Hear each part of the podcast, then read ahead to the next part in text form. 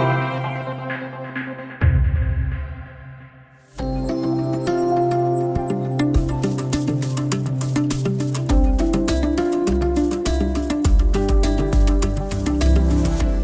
Hej och välkomna till Studio DN som släpps varje vardag. Jag heter Sanna Thorén Björling. Covid-19 skördar allt fler människoliv och begränsar vardagslivet för hundratals miljoner. När får vi ett vaccin? Om det ska vi prata med DNs medicinreporter Amina Mansour.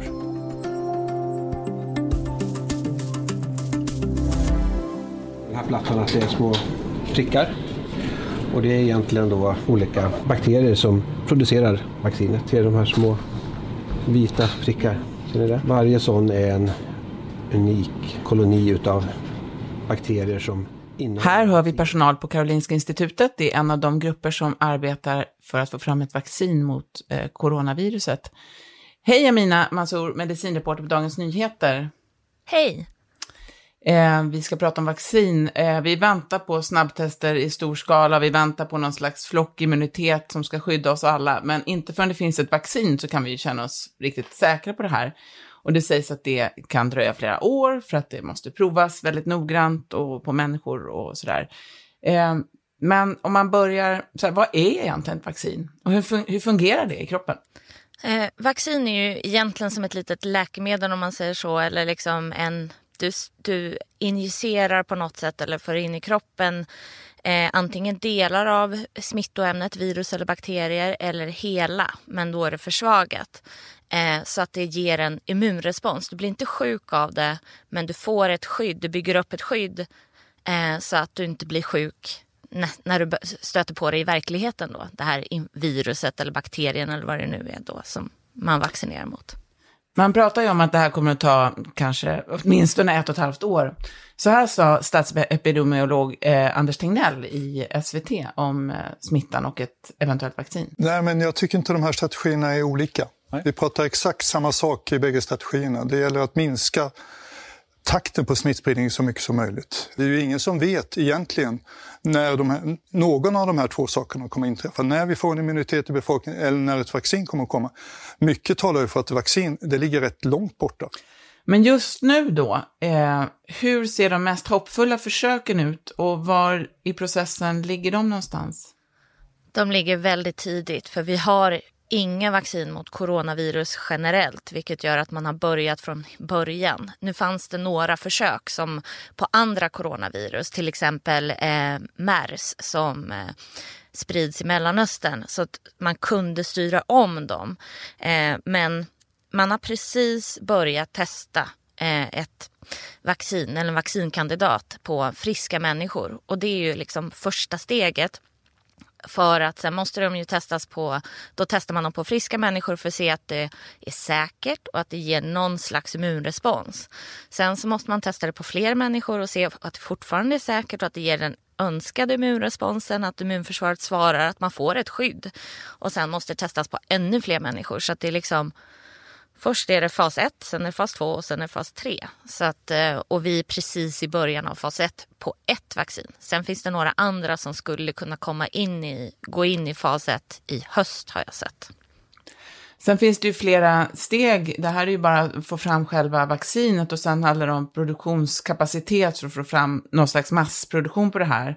Och det ska dessutom godkännas av myndigheter i olika länder eh, där man tar hänsyn till, som du sa, säkerheten och doser och biverkningar. Eh, vad är det som, det, det, förstår man ju att det här tar tid, vad är det som tar längst tid och hur, hur ser tidsperspektivet ut här?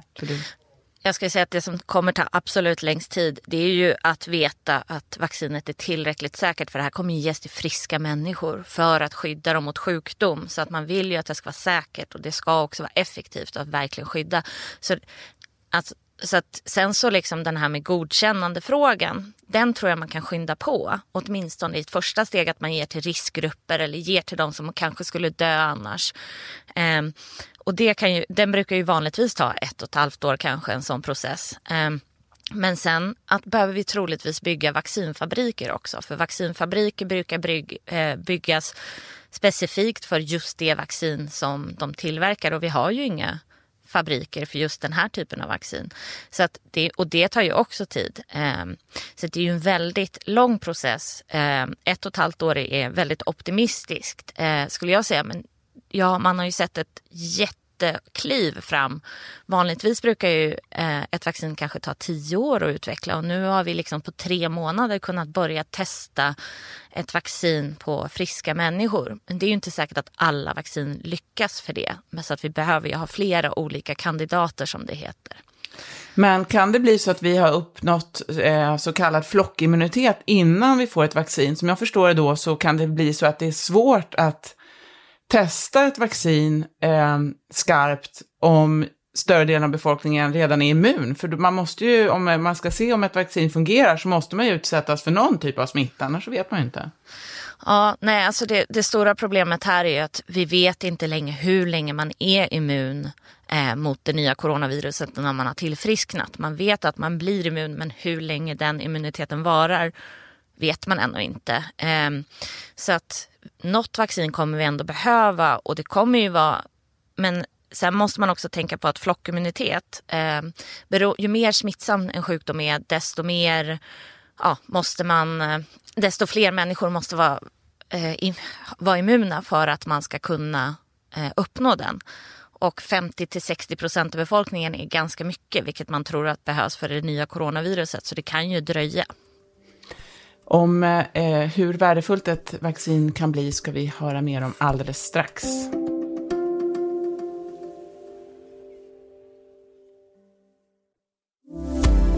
Vi pratar om vaccin mot covid-19 med DNs medicinreporter Amina Mansour. Det finns ju också enorma pengar i hela den här läkemedelsbranschen och den här forskningen som sker, det sker ju i många forskargrupper som jag förstår det, som sitter över hela världen och forskar. Är det på företag eller på universitet och samarbetar de här aktörerna eller konkurrerar de med varandra? Jag skulle säga det finns både de som konkurrerar och de som samarbetar och det sker väldigt mycket forskning både på liksom, universiteten men också på läkemedelsföretagen och sen så eh, från, på stora forskningsinstitut, eh, till exempel statliga forskningsinstitut också. Så att, men jag skulle säga mycket handlar nu om att samarbeta eh, mm. också. Men kommer de sen då, eh, de bolag som investerar stora pengar i att ta fram ett sånt här vaccin, kan de sen sälja det eh, hur dyrt som helst då till statliga inköpare? Eh, eller hur blir det här ett vaccin som verkligen kommer att kunna distribueras till, till alla som behöver? Det är det man hoppas på. Det här är ju generellt sett så tror jag inte att man kommer kunna ta hur mycket som helst. För det finns ju också att till exempel redan nu så finns det organisationer som ser till att, man, att eh, länder som inte har särskilt mycket pengar får köpa vaccin väldigt billigt. Eh, och att vi som har mer pengar kan betala mer. Men jag tror att det kommer bli något helt annat. Det kommer nog krävas något nytt system för hur vi ska få, se till att de som behöver vaccinet kommer få det. Men kan det, kan det bli så till och med att det inte är så attraktivt när det väl är klart? För att då är vi antingen flockimmuna eller så har vi börjat koncentrera oss på något annat och vi är inte så oroliga längre. Utom ja. riskgrupperna. Ja, så kan det absolut bli. Men riskgrupper kommer troligtvis ändå att behöva ett vaccin eftersom de blir så himla sjuka, eh, och, mm. eller kan bli så himla sjuka, särskilt de äldre då. Så att det kommer nog finnas en marknad, men det här är ju jättesvårt och det är en av anledningarna till att vi inte hade något annat coronavirusvaccin.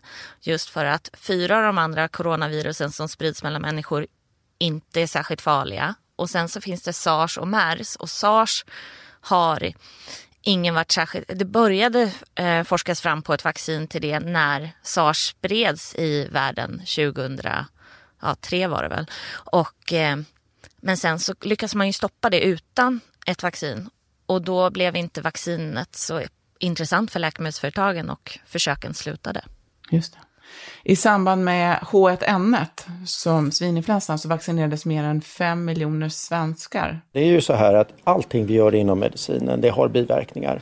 Det är alltid en avvägning eh, av eh, så att säga hur farlig är det man försöker skydda mot och vad man kan acceptera för biverkningar. Och det är bara att se till att de blir så lindriga som möjligt. Då fick närmare 500 barn och unga narkolepsi som en bieffekt här. Hur tror du, Amina, att det kan påverka människors vilja, eh, att, vilja att vaccinera sig här? Eftersom det inte heller är en särskilt allvarlig sjukdom för de allra flesta. Ja, men jag tror absolut att det kan påverka, men ser man folk eh, som börjar dö, som inte är svårt sjuka eller unga, så tror jag nog att benägenheten att vaccinera sig kommer att öka. Men det är inte säkert att vi kommer erbjuda en massvaccination den här gången utan jag tror snarare att man kommer försöka vaccinera riskgrupper och kanske sjukvårdspersonal i ett första skede i alla fall. Just för att det är de som är mer utsatta. Eh, många andra, till exempel barn och unga, verkar ju klara just infektionen ganska mycket och väl. Men kan man få hitta vaccin, tror du, mot alla coronavirus i ett? Kan man liksom få ihop dem? Nej, det tror jag inte, för de är nog ganska olika varandra. Men sen så, det fin, kanske kan ge ett något visst korsskydd, ungefär som vi med influensa. Eh, där kan man ju ha flera influensavirus i samma vaccin och även för några år sedan så fick vi ett, en influensa en, ett influensavirus här som inte ingick i vaccinet. Men vaccinet gav ändå visst skydd mot att bli svårt sjuk till exempel. Så man har någon slags, men det, det vet jag inte utan det är högst spekulativt skulle jag mm. säga. Idag. Men vi behöver ju inget coronavirusvaccin för de andra fyra som de vanliga som orsakar förkylningar. För det är ju en, en förkylning klarar ju i stort sett alla av. Men vad tror du? Tror du att vi kommer att få eh, nya, andra, ännu mer aggressiva coronavirus eh, ja, snart? Eller om några år? Vet vi det? Vi har ingen aning. Alltså, vi vet ju att virus... Det stora problemet är att när människor bor nära djur så finns det en risk att eh, virusen hoppar från, djur, från att smitta djur till att börja smitta människor och då ingen immun. Men generellt sett så är det ju influensavirus som vi är oroliga för och har varit oroliga för. Så att det är där man ändå har försökt att kommer ett nytt influensavirus då är ingen immun och det kan sprida sig på ett helt annat sätt och mycket snabbare. Och då har man ju börjat prata om att kanske borde man ha universella influensavaccin för då kan ju de vaccin, de behöver inte de ändras varje år som de gör gör idag. Och sen har man då ett skydd mot en framtida pandemi vid eventuellt. Men man har inte kommit längre där heller. Nej, just det. Tusen tack Amina Mansour, Dagens Nyheters medicinreporter. Tack så mycket. Och imorgon ska vi prata med DNs AC-korrespondent Marianne Björklund om Sydkoreas strategi för att bekämpa coronaviruset. För ljudillustrationerna stod SVT och Jonas Lindqvist. Studio DN görs av producent Sabina Marmulakai, exekutiv producent Augustin Erba, ljudtekniker Patrik Miesenberger, projektledare Martin Jönsson och teknik Oliver Bergman på Bauer Media. Jag heter Sanna Thorén Björling. På återhörande.